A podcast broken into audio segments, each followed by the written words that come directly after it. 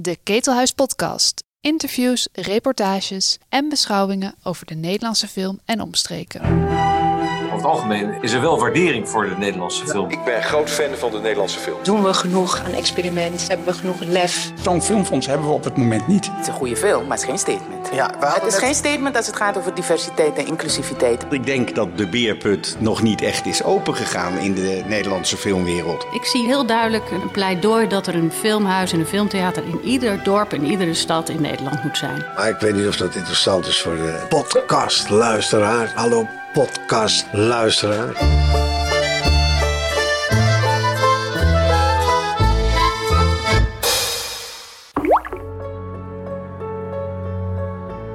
Pose heet het boek dat Basje Boer schreef over zeg het beeld van vrouwen in film en andere cultuurvormen. Niet op zijn filmzolder, maar gewoon in de huiskamer ging Hans Berenkamp in gesprek met de auteur. We zitten vandaag eh, niet op mijn filmzolder. Mijn naam is Hans Berenkamp, maar eh, in mijn huiskamer. Want het gaat helemaal niet eh, over een archief, maar wel over film en filmgeschiedenis. En de aanleiding is nu het boek Pose, geschreven door Basje Boer. En eh, daar ga ik eh, proberen wat gaten in te schieten. Ja, Want- nou, ik ben heel benieuwd. Ik vind het een heel leuk boek.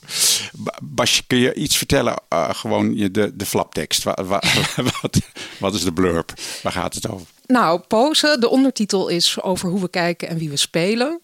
Ik heb ook nog, ik heb op de achterkant nog een soort van flart uit de inleiding laten zetten. En dat is de, het is bijna een gedicht. We schikken ons naar rollen, we morrelen aan de kaders, we diepen de clichés uit, maar blijven ze herhalen. Het is een boek over films. Eh, het is een boek over vrouwenrollen.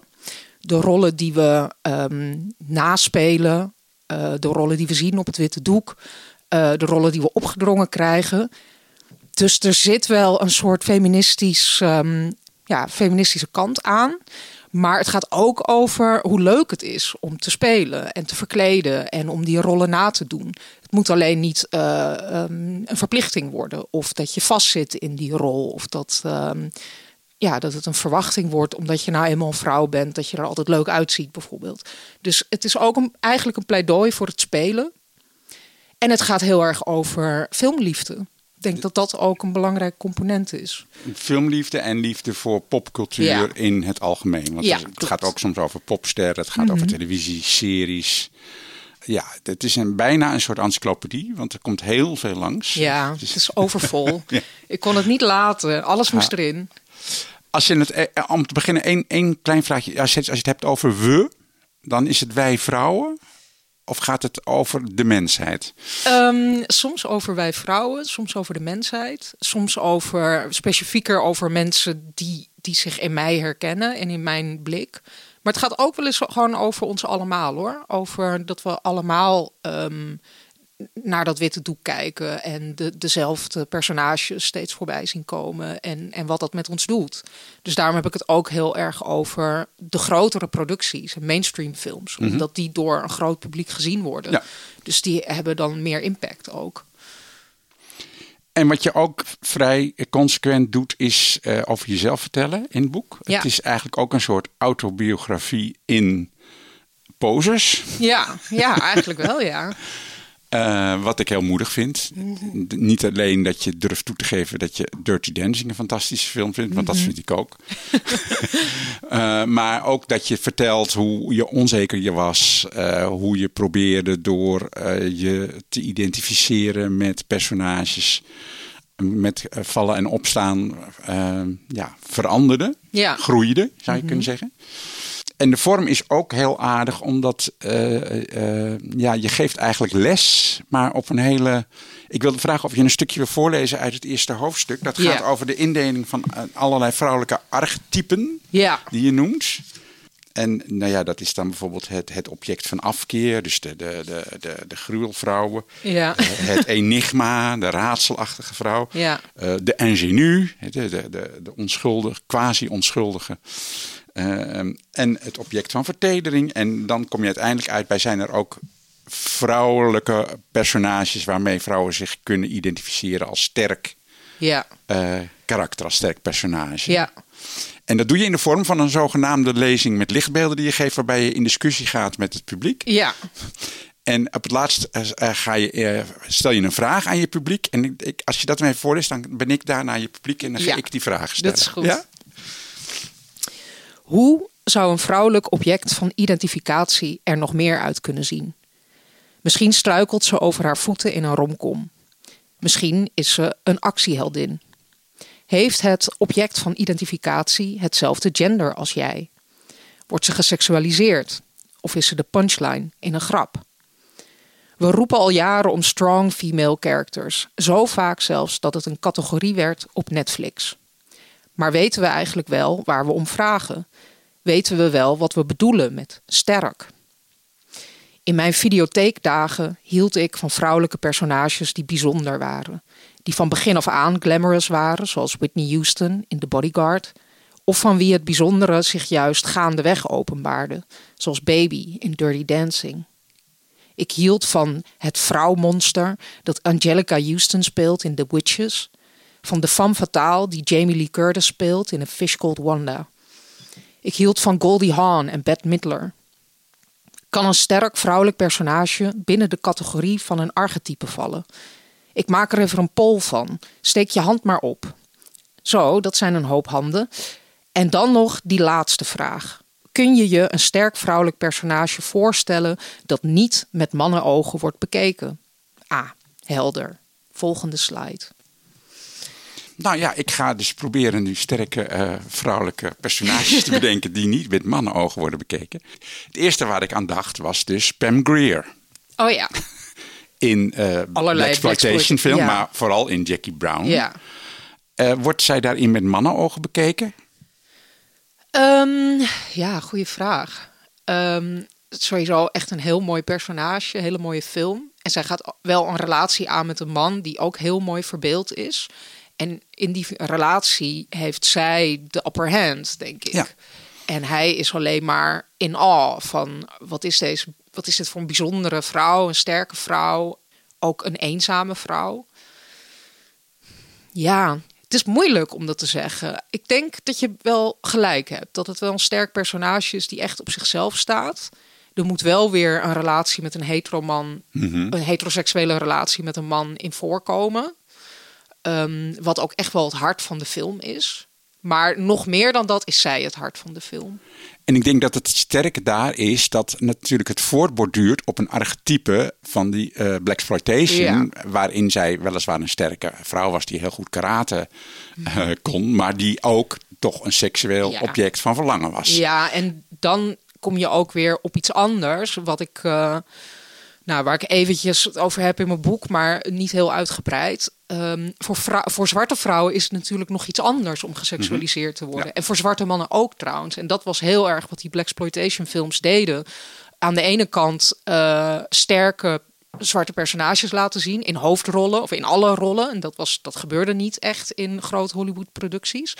Of in ja, mainstream films, zeg maar. Ehm, maar aan de andere kant wel heel erg dat stereotype van hyperseksuele wezens. En ja, daarmee werden toch weer stereotypen. Dus dat is heel dubbel met blaxploitation. Dus aan de ene kant empowering om op het witte doek iemand te zien die eruit ziet zoals jij in een sterke rol. En aan de andere kant totaal geseksualiseerd. Dus ook de mannen en de vrouwen. Maar ik heb dus de indruk dat Tarantino Jackie Brown heeft bedacht, eigenlijk met het gedachte van hoe kan ik haar ontseksualiseren Ja. en er een echte protagonist van maken. Ja, ja. En dat is echt gelukt. En dat is ook. ehm, in zijn andere films is dat veel. Heeft hij dat minder geprobeerd, denk Ja, ik. zeker. En is dat dus ook minder gelukt. En dit En is. Kill Bill is bijvoorbeeld blijft, dat Ja. schrijf je ook, dat blijft gewoon toch een, eh, Ja. een lekker ding.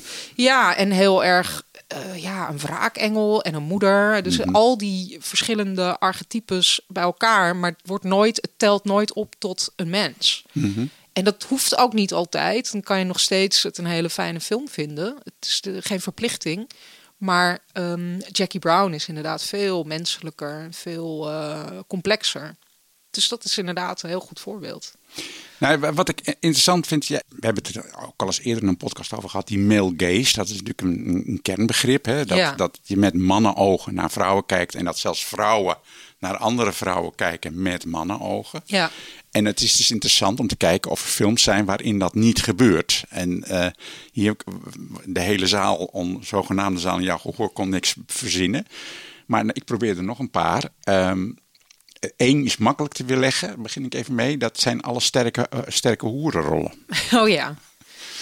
Dat behandel je eigenlijk nauwelijks, prostitutie. maar dat is dus eigenlijk bijna ook een soort archetype of een subgenre van Ja. Simone Signoret in, eh, Ja. in verschillende films. Tot Catherine Deneuve in Belle in Belle Jour. Ja. Ehm, Die zijn de baas. ja. Die zijn in control. Nou, ik zou wel eh, eens een, een stuk willen schrijven over ja, eh, sekswerk in film. Want dat Mhm. is echt een heel eh, apart gebied. Ik weet ook niet zo goed wat ik daarvan vind. Ik Mhm. moet daar echt ingewikkeld, klopt. even Ja. over nadenken van hoe wil je dat het verbeeld wordt. Eh, wat er zo ingewikkeld aan is, is dat je wil sekswerkers met respect benaderen. Als zij die keuze maken om dat werk te doen, dat, dat, wie, is, wie kan daar iets tegen inbrengen? Dat is helemaal aan hen. Aan de andere kant wil je ook recht doen aan het feit dat het soms onder dwang gebeurt. En, ehm, en ik bedoel, dat is een heel extreem geval. Mhm. Maar soms is de dwang ook eh, subtieler. Dat vrouwen zich gedwongen voelen om dat werk te doen. Omdat ze geen ander werk kunnen vinden. Of omdat ze denken dat ze niks anders kunnen. Of weet je, de- er zijn allerlei redenen om dat werk te doen. Maar als je dat benadrukt, dan zou je weer zeggen van. Dan lijkt het alsof je zegt sekswerk is per definitie fout. En dat is niet een boodschap die ik zou willen zien in een film. Dus je zit. Ja, het Nee, maar er is er weer een subgenre. En dat, dat vind ik Belle de Jour dan het mooiste Mm. voorbeeld van. Ja. Waarin ik alle clichés over de hoer met een hart van goud. Ja. En eh, weer nog weer wordt gedraaid in de vorm van een vrouw die daar ook lust aan beleeft. Ja. ja, en toch denk ik dat dat best wel een mannenfantasie is. Nou, dat, dat zou, daarom zeg ik, het is denk ik wel te weerleggen. Ja, ja. Ik zou ook wel willen zien zo'n film, maar dan met een niet aantrekkelijke vrouw. Want Mhm. niet alle sekswerkers zijn heel mooi, jong en aantrekkelijk. Dat, dat is denk ik een cliché. Of ja, wat is mooi en aantrekkelijk? Ik bedoel, dat, daar kun je ook nog eh, het over hebben. Dus niet met Catherine Deneuve, maar met een heel ander soort type. Een onverwachte vrouw in die rol. En die, die er dan zelf plezier uit haalt. Ik Nou, bedoel, dan heb je een heel ander soort film. Die film is er. Ja? Welke is dat? Dat is onlangs gekozen tot de beste film aller tijden. Sjane Dielman. Oh ja, nou, maar die is wel heel mooi en, en glamorous natuurlijk. Ja, is het is ook echt- een huisvrouw met een schort. Ja, maar eh, Chantal Akerman heeft er wel specifiek voor gekozen om een, een vrouw met een filmsterrenuitstraling Mhm. in die rol te casten. Waardoor het toch net afwijkt van ja, gewoon een pure documentaire over een eh, Brusselse eh, huismoeder. Die, die zich eh, genoodzaakt ziet om, eh, om klanten te ontvangen, om mee naar bed te gaan. Dus dat is toch, ja, dat is niet helemaal. maar wordt zij wat ik met een mannelijke blik gekeken, bekeken in die film? Nee, dat denk ik niet. Nee, nee die is vrij van de male gaze. Het is. eh, ehm, ja. Nee, dat eh, denk ik niet. Nou, Wat- dat, dat verklaart misschien dus nu ook de, de enorme waardering na bijna 60 jaar. Ja. Nee, 50 jaar, sorry. Of- Ja, het is ook interessant dat die film is uitgekomen in 1975. En dat is ook het jaar waarin Laura Mulvey schreef over de male Hm. gaze. Hm. Ehm, en nou, dat is een term die zoveel gebruikt wordt, ineens weer. Ehm, ik bedoel, eh, in de afgelopen jaren sowieso, maar de laatste tijd nog veel meer. Dus dat zie ik als reden waarom dan Jean Dielman... Weet je, dat, dat, eh, het is zo'n feministische film, ook een theoretische film eigenlijk... over over de male gaze, maar ook over wat is film. Want het is een film van bijna 3,5 uur waarin je eh, nou, iemand de, de aardappelen ziet schillen en de klusjes in huis ziet doen. En dan inderdaad in de namiddag ontvangt ze klanten, maar daar zien we dan ook niet zoveel van. Het is eigenlijk heel saai. Dus het is een film die gaat over tijd en over verveling en wat betekent het, wat, wat is een film? Heeft een film plot nodig? Uh, dat soort vragen stelt die film allemaal. Dus daarom past die film natuurlijk ook niet in jouw boek, want jij wilt het echt hebben over de populaire cultuur. Over ja, de, de ik noem hem wel ergens. Ik noem Ja. hem heel kort, maar Ja. ik ga er niet uitgebreider op in. Hoewel ik in het laatste deel van mijn boek wel heb geprobeerd om een beeld te schetsen van wat zou kunnen zijn. Dus daarin eh, heb ik het bijvoorbeeld ook over Daughters of the Dust van Julie Dash. Een hele mooie, bijzondere film. Waarvan ik denk, misschien moeten we die kant op. Misschien is dat ehm, eh, een vrouwelijke blik of een eh, nieuwe blik. Dus zo heb ik mijn boek een beetje opgebouwd. Dus om toch een beetje buiten de kaders te kijken van wat is daar te vinden. Wat me ook opvalt, maar dat is waarschijnlijk ook de consequentie van het kiezen voor populaire cultuur, is dat je heel erg op de Amerika en de Anglo-Saxische cultuur hangt. Ja, Wat natuurlijk in film en, en popcultuur uiterst belangrijk is. Ja. Maar ik merk wel dat als ik dan met tegenvoorbeelden kom, kom ik toch met Europese eh, Ja. eh, voorbeelden. Omdat ik toch denk dat de, de manier waarop er naar vrouwen wordt gekeken in Europa net even anders is dan Ja. in de Anglo-Saxische cultuur. Ja, en dat heeft natuurlijk ook gewoon met geld te maken. Ik bedoel, Hollywood is zo'n geldmachine en he- geweest eh, heel lang en, en nog steeds. Ja, en dan, dan maak je bepaalde keuzes om bepaalde dingen te laten zien. En dan ga je niet, ehm, dan, dan ben je niet afwijkend. Dan, dan wil je gewoon het publiek pleasen. En, en dat zie je gewoon nog steeds.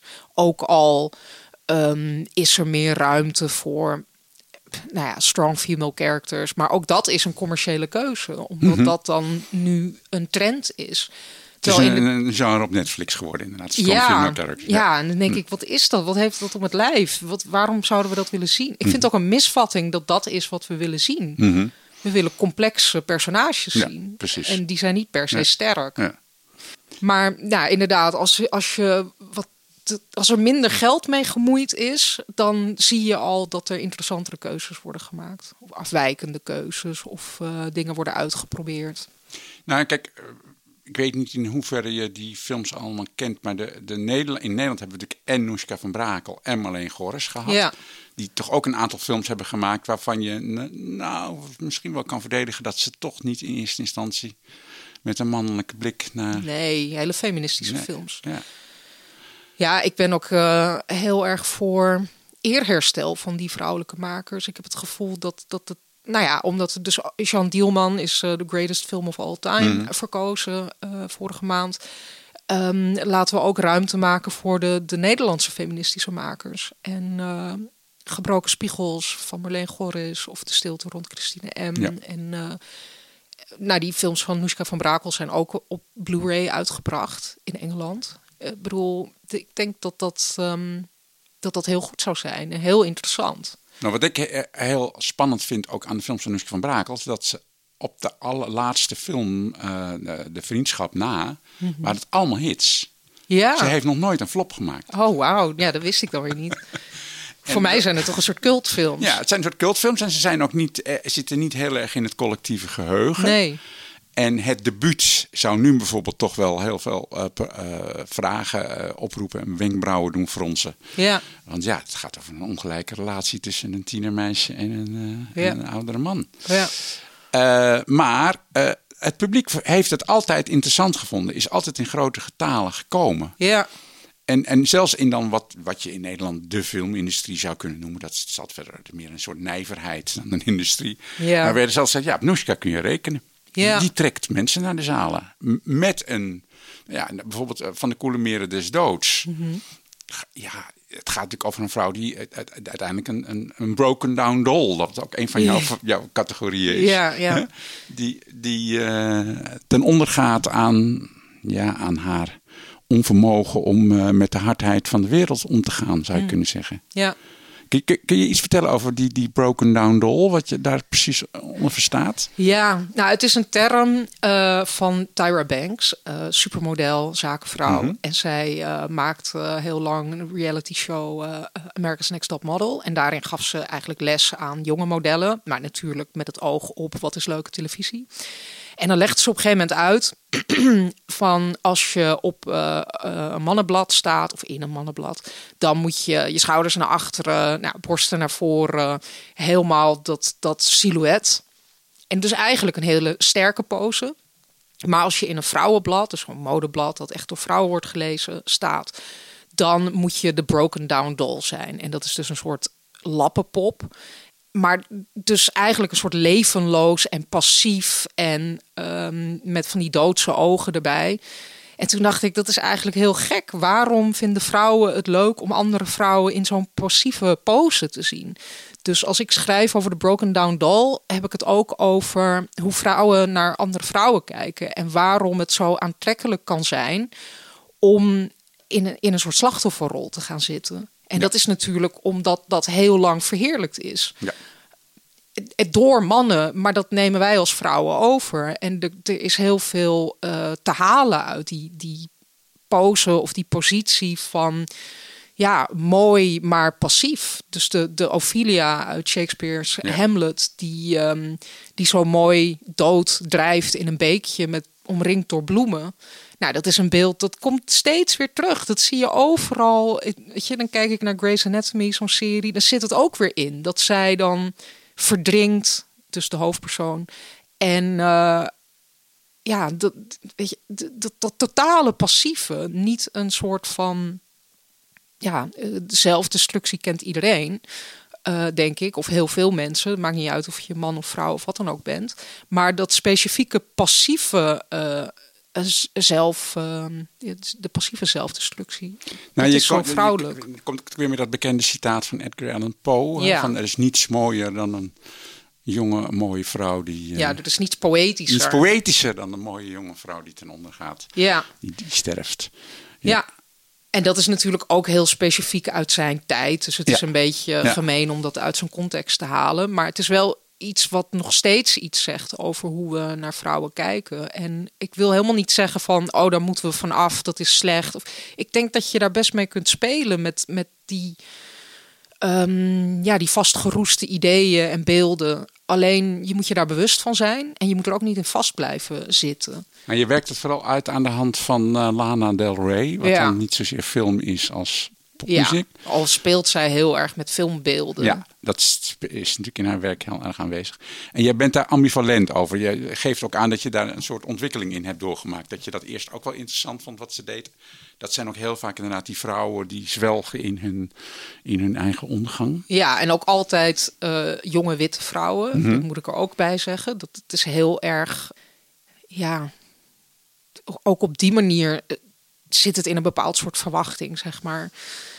Nee, ik, ehm, ik ben heel erg fan van Lana Del Rey Mhm. en eh, van haar muziek en ook wat ze doet met die beelden. Maar eh, soms draaft ze daarin door en soms vraag ik me ook af ja, wat we daarmee moeten.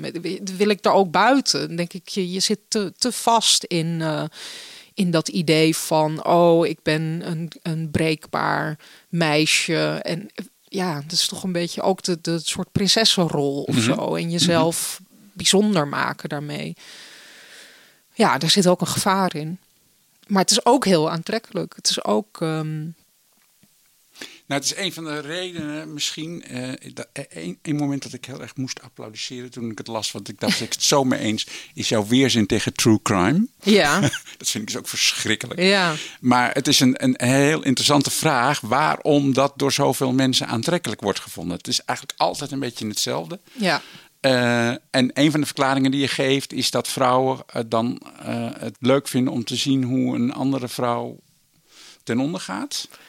ja, is dat een ver- verklaring nou, die ik, ik, weet geef? niet of, ik, weet- ik weet niet of ze. Ja, je, je komt met vijf Ja. of zes mogelijke. Ja, ik heb er veel over gelezen. En dit zijn ook een beetje de dingen die ik tegenkwam. Dus de Mhm. verklaringen die Ja. gegeven worden. En ik ben het niet met alles eens. Ehm, maar ik denk dat het een combinatie van al die dingen is. Want het is dus een soort cliché geworden dat vooral vrouwen ehm, luisteren, kijken Mhm. ehm, en naar true crime of lezen. Ik weet niet helemaal of dat waar is. Daar kan je wel wat cijfers van Mhm. vinden. Maar het is volgens mij ook heel erg een aanname. Of iets waar mensen op aanslaan. Zo Van, oh, nou, vrouwen vinden het leuk om... Want die true crime verhalen gaan dan ook vaak over vrouwen die vermoord worden. Dus die, En die dan ook vaak nog jong en aantrekkelijk zijn. Dus dat is heel erg die, dat broken down doll idee. Ehm, en wat is daar dan zo aantrekkelijk aan? Ehm, ik, ik, ik denk dus dat het een combinatie is van factoren. Ik denk dat het te maken heeft met ehm, het gevoel dat je ja, een soort bevestiging van wat je eigenlijk voelt. Dat je een soort van lopend slachtoffer bent. Dus dat is dan prettig om, om in een wereld te, te vertoeven waarin dat klopt. Dat, dat gevoel dat je de hele tijd hebt. Ehm, maar het heeft ook te maken met, ja, je kan ook zelf slachtoffer geweest zijn. En dan is dat, ehm, dan denk je van, oh, dan heb je helemaal geen zin in dat soort verhalen. Maar dan eh, kan het juist ook eh, fijn zijn om, om, eh, om te zien dat iemand serieus genomen wordt als slachtoffer. In het algemeen denk ik dat wat media met misdaad doen, in de gevoelens van onzekerheid en onmacht versterken. Ja. Dat me- mensen het idee hebben dat ze in een totaal criminele wereld leven, waarin je eh, een, eh, bijna de deur niet meer uit kan gaan. Zo gevaarlijk is het buiten. Terwijl de feiten juist aangeven dat eh, het, het steeds veiliger wordt buiten. Ja. Ja, maar daar zit dus toch iets geks in. Dus het Waarom? verdien, te zien wel een verdienmodel. Ja. ja, maar waarom willen mensen Ja. dat zo? Ja. Waarom vinden ze het zo lekker om die angst dan eh, aangewakkerd Ja. te krijgen? Dat is eh, een heel, heel gek iets en op de een of andere manier ook logisch. Ik snap het ook wel. Hou jij van slasherfilms? Ja, zeker. Is dat eh, niet een beetje vergelijkbaar? Ja, maar ik hou er dus van als het wel echt fictie is. Mhm. En als het een beetje uitvergroot is. En, ehm, en dan kan het ook rauw en akelig zijn. Maar dan zit er wel altijd ja, dat fictie-element in. En juist bij slashers is het vaak heel theatraal. En een beetje vreemd. Soms Mhm. zelfs een beetje absurd. Dus dan ben je je de hele tijd van bewust van dit is niet echt. En met true crime gaat het er ook heel erg over van dit is echt, dit zou jou kunnen overkomen. En mij, ja, ik, ik, dat, ik vind dat niet aantrekkelijk. En ik vind het ook eh, ja, moreel gezien dubieus. Want dit zijn echte verhalen met echte slachtoffers. En ehm, En vaak inderdaad mensen die wa- wat, wat aan de, in de marge eh, verkeren. En die, wa- wat dan echt wordt uitgebakken. ja, ja. Ook heel interessant in dit kader ehm, is de douchescène in Psycho. ja. Waar jij eh, voor mij een zeer verhelderende eh, verhaal over hebt geschreven in je boek. Mhm. Eh, omdat je ook uitlegt dat het eigenlijk voor het eerst was dat Hitchcock zijn fantasieën over wraak op vrouwen er werkelijk uitleefde. Ja. Frontaal. Ja. In het gezicht van de kijker die niet wist wat, hij, eh, wat hem overkwam. Ja. Daarna, in zijn volgende film, is hij ook die transgressie in werkelijkheid gaan plegen door Tippi Hedren te belagen. te belagen. Ja. Ik moet nou niet zeggen aan te randen. Ja, we weten niet precies wat daar is gebeurd. Ja. Maar ehm, het was in ieder geval aanranding. En dan is de volgende stap. Ik weet niet of je dat ook zo expliciet schrijft. Hij heeft daarna nog vijf films gemaakt. En die zijn allemaal mediocre. Ja. Ja, maar ik denk dus ook dat Hitchcock eh, op zijn best was als hij dingen mocht suggereren. Ja, natuurlijk. Ja, En, dat is ook eh, zo. ja, en dan was het goed. En op het moment dat hij het, eh, Psycho is net het kantelpunt. Ja. Transgressie heet dat dan, in, denk ik, in de psychoanalyse. Ja. Dat je je, je dromen in het werkelijkheid grensoverschrijdend wordt, zou ik Ja. maar zeggen. En dan kan je geen goede kunst meer maken. Nee, en de tijd veranderde ook. Dus hij mocht Ja. meer laten zien. En dat, dat, ja, dat werkte niet voor hem. Maar ik moet zeggen dat ik van die laatste films alleen Frenzy heb gezien. Mhm. En daar zie ik nog wel wat in hoor. Terwijl ik, ik zie Mhm. ook wel dat het niet een helemaal geslaagde film is. Maar ik vind ook wel wat hebben. Ehm, maar goed, zijn meeste werken kwamen voor die tijd. Ja. En, eh, maar ik vind Psycho wel echt, echt een hele goede film. En ehm, Zeker. misschien wel bijna net zo goed als Vertigo, waar ik ook uitvoerig over schrijf. Ja, Vertigo heb je, behandel je eigenlijk van alle films Het meest. Het meest, Ja, ja. dat is eh, het hart van de film. van, van het boek ook. Sorry, ja, van het boek. maar ja, ik vind Psycho ook echt eh, heel interessant en sterk en heel aangrijpend. Dat, dus die douche-scène die ehm, na 40 minuten komt. Dus je hebt helemaal meegeleefd met die hoofdpersoon. En dan wordt ze afgemaakt onder de douche. Ik, ik denk niet dat dat een spoiler is, of dat mensen dat, wel weten. wel- wel zeggen, ja. Ehm, maar dat grijpt me iedere keer weer aan. Dat Ja. ik denk, ik vind dat zo schokkend. En Ja. je weet dat het gaat gebeuren. En ik vind het nog steeds schokkend. Heb je ooit die documentaire gezien, 7852? Ja, Dat vond ik ook heel. eh, Ik had me nooit gerealiseerd dat dit voor de eerste keer was dat in een Amerikaanse mainstream film een toiletpot Ja. in beeld kwam. Ja. ja, die documentaire gaat helemaal over die douchescène. Ja, ja, Gewoon alleen maar over die douchescène en hoe die gemaakt is. En, eh, Maar ook wat het betekende. Dus dat het, het, het, het, het publiek werd voorzichtig eh, op die, die enorme confrontatie voorbereid. Doordat ze ineens aan een toiletpot. Maar dat zie je toch niet in een film. Nee. Waar, waar, welk universum ben ik nu beland? ja, en er wordt doorgespoeld ook. Zij, en niet Ja. dat ze naar de wc is geweest, maar ze Ja, verscheurt ja, ja, iets. verscheurt. En dat spoelt ze door. En dat was ongekend. Ja. Ja, ik, eh, het is ook een film. Hij ehm, maakte zo'n televisieprogramma. Hè? Mhm, En dan ja. eh, met kleine verhaaltjes en dingetjes. En dat werd gewoon heel goedkoop gedraaid achter elkaar. En toen dacht hij, hey, zo kan ik ook een film maken. Mhm. En toen heeft hij heel goedkoop ehm, Psycho gedraaid, zwart-wit. Terwijl ehm, de kleur was... Daarvoor had hij Vertigo ja, gemaakt. En die was in kleur. Dus ik denk ook dat hij daarom dacht van... eh, ik kan al die grenzen over. Ik kan helemaal losgaan. En dat werkte. Het was een Mhm. enorm succes. Maar kun je je voorstellen dat je in die zaal zat... en je had nog nooit zoiets meegemaakt... dat, dat een hoofdpersonage ineens vermoord werd... en dat ze dan echt... dat mensen dachten... nee, ze wordt echt vermoord. Het is niet... Ja. het, het komt niet meer goed, zeg Ja, maar. ja. En dan is er ook iemand ehm, in, in een andere documentaire, Hitchcock Truffaut, die zegt ehm, dat het publiek ging gillen en niet meer ophield. Dat je Mhm. gewoon niet, Ja. niks Ja, meer hoorde. Nou, ik had daar echt bij willen zijn. Mhm.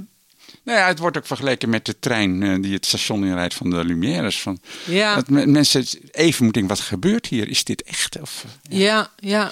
Maar goed, Vertigo is jouw, jouw Hartsfilm. hartfilm. Kun je, kun je er iets over vertellen, hoe je, de- hoe je Vertigo ziet? Ja, het is. eh, wat ik zo bijzonder vind aan Vertigo is het, het gaat heel erg over de male gaze. Het gaat over een, letterlijk over een man die, die kijkt naar vrouw. Hij schaduwt haar, hij vindt haar eh, intrigerend, hij snapt niets van haar. Ze is prachtig, maar eigenlijk alleen maar buitenkant en alles wat hij op haar projecteert. Nou, dat is gewoon de male gaze. James Maar- Stewart, hè? James Die in Stewart. Rear Window ook al Ja. alleen maar aan het voyeren was. Ja, en die altijd bij Hitchcock een beetje de sukkel speelt. Nou, niet altijd. Nou, maar in de die twee onmachtige films. man. Ja, onmachtige man. En in allebei die films is hij ook verzwakt. In Mhm. Rear Window eh, heeft hij een gebroken been. En hier heeft hij een ongeluk gehad en is getraumatiseerd. Maar dus het begint heel erg van... oké, een film over de male gaze. Maar op een gegeven moment zien we niet meer zijn perspectief... maar zien we het perspectief van die vrouw. En die blijkt niet alleen maar dat plaatje te zijn. Die is gewoon een mens met haar eigen verhaal. En dat draaien van dat perspectief, dat maakt het voor mij zo'n bijzondere film. En het eerste deel van de film vind ik inmiddels, want ik heb hem heel vaak gezien, een beetje saai. Dan denk ik, Mhm. oh ja, hij gaat daar Gebeurt veel, schaduwen. nee, er gebeurt niet zo Nee, De eerste keer dat je hem ziet is het spannend, want je Ja. weet niet hoe het zit. Ja. Maar als dat perspectief draait en je, je merkt hoe het voor haar is om in dat, die rol geduwd te worden van perfect plaatje, eh ideaalbeeld van een vrouw. Als je dat ehm, voelt en, en haar perspectief meekrijgt, dat vind ik zo aangrijpend. En ook het idee van zij houdt van die man, zij houdt van James Stewart. Deze vrouw wordt gespeeld door Kim Novak.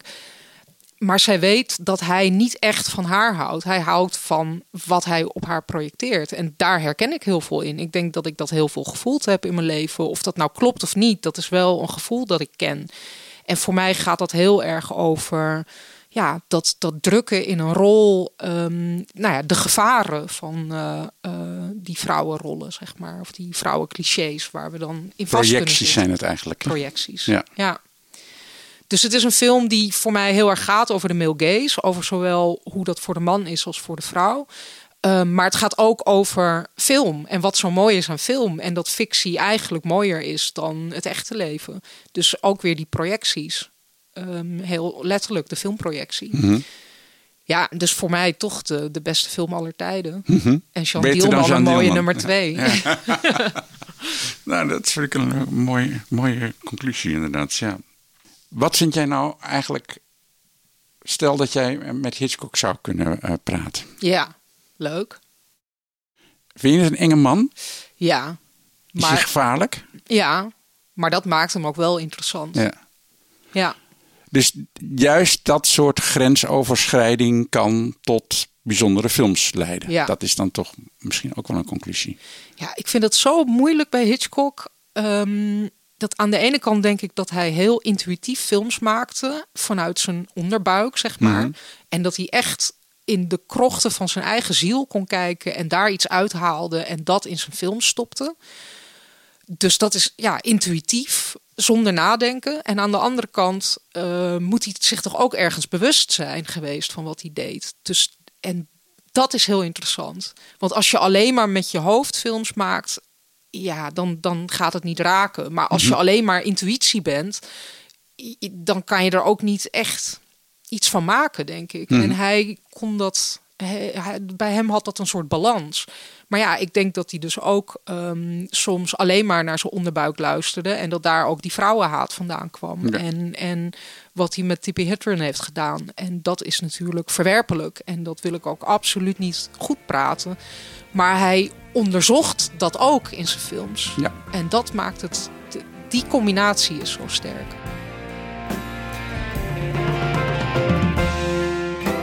Tot zover deze Ketelhuis podcast. Je vindt de Ketelhuis podcast in je favoriete podcast app en natuurlijk op onze website ketelhuis.nl/slash podcast.